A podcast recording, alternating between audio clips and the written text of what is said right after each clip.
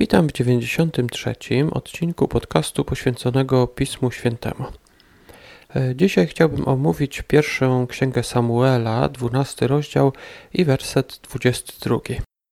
Czytamy tutaj: Nie porzuci bowiem Pan ludu swego, postanowił was bowiem uczynić ludem swoim przez wzgląd na swoje wielkie imię. W wersecie tym czytamy tutaj o tym, że Bóg postanowił nie opuścić swojego ludu i podano też powód, dlaczego Bóg e, tego nie zrobi, nie porzuci swojego ludu. E, oczywiście Biblia w wielu miejscach podkreśla, że Bóg jest Bogiem miłości, że miłość jest taką podstawowym rzeczą, dla której On działa, ale zauważmy, że tutaj mamy jeszcze jeden powód. E, czyli że Bóg robi rzeczy przez wzgląd na swoje wielkie imię.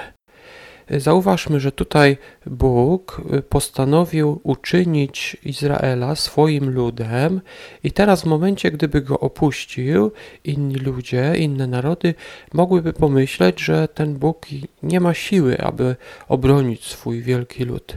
Tak więc Bóg e, postanowił to właśnie zrobić, postanowił ochronić swój lud, aby jego imię zostało uświęcone. Jest to też zgodne z tym, y, co jest w modlitwie Ojcze Nasz. Y, tam pierwszą rzeczą, pierwszą, jedną z pierwszych rzeczy, którą podano, to jest święć się imię Twoje. W innym przekładzie możemy tam przeczytać, niech y, imię Twoje będzie uświęcone. Chodzi o to, aby mm, to imię, imię Boże, zostało uświęcone. Jest to jeden z tych fragmentów, w którym w których spodziewalibyśmy się zauważyć imię Boże. Tutaj Oczywiście zachodzi dyskusja, czy to imię powinno brzmieć y, Jehowa czy Jahwe, ale zwróćmy uwagę, że tutaj ten werset nie mówi nam o imieniu, y, w jakim znaczeniu, jak należy je używać, jak należy je wymawiać. Bardziej chodzi o to, co się kryje za tym imieniem. E, na przykład ja mam na imię Piotr i to jest po prostu pewien dźwięk, który wy słyszycie. Ale jeżeli dowiecie się o mnie czegoś, dowiecie się na przykład, że ja kiedy obiecam coś, to zawsze staram się to zrobić, to kiedy usłyszycie to moje imię, Piotr, no to od razu pomyślicie sobie o tych rzeczach, które y, są za tym imieniem, czyli ten dźwięk, który wysłyszycie, y, ma jakieś znaczenie.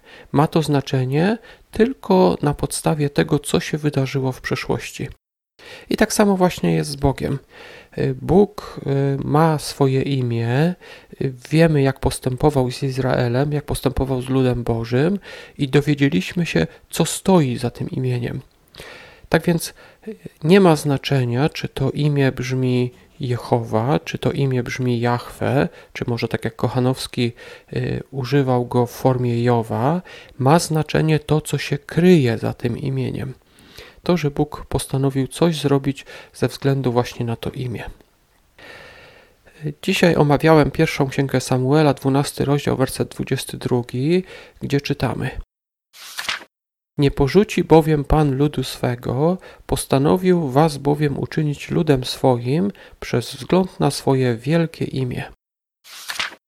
Dziękuję Wam za wysłuchanie do końca. Zapraszam do kolejnego odcinka jutro, a więc do usłyszenia.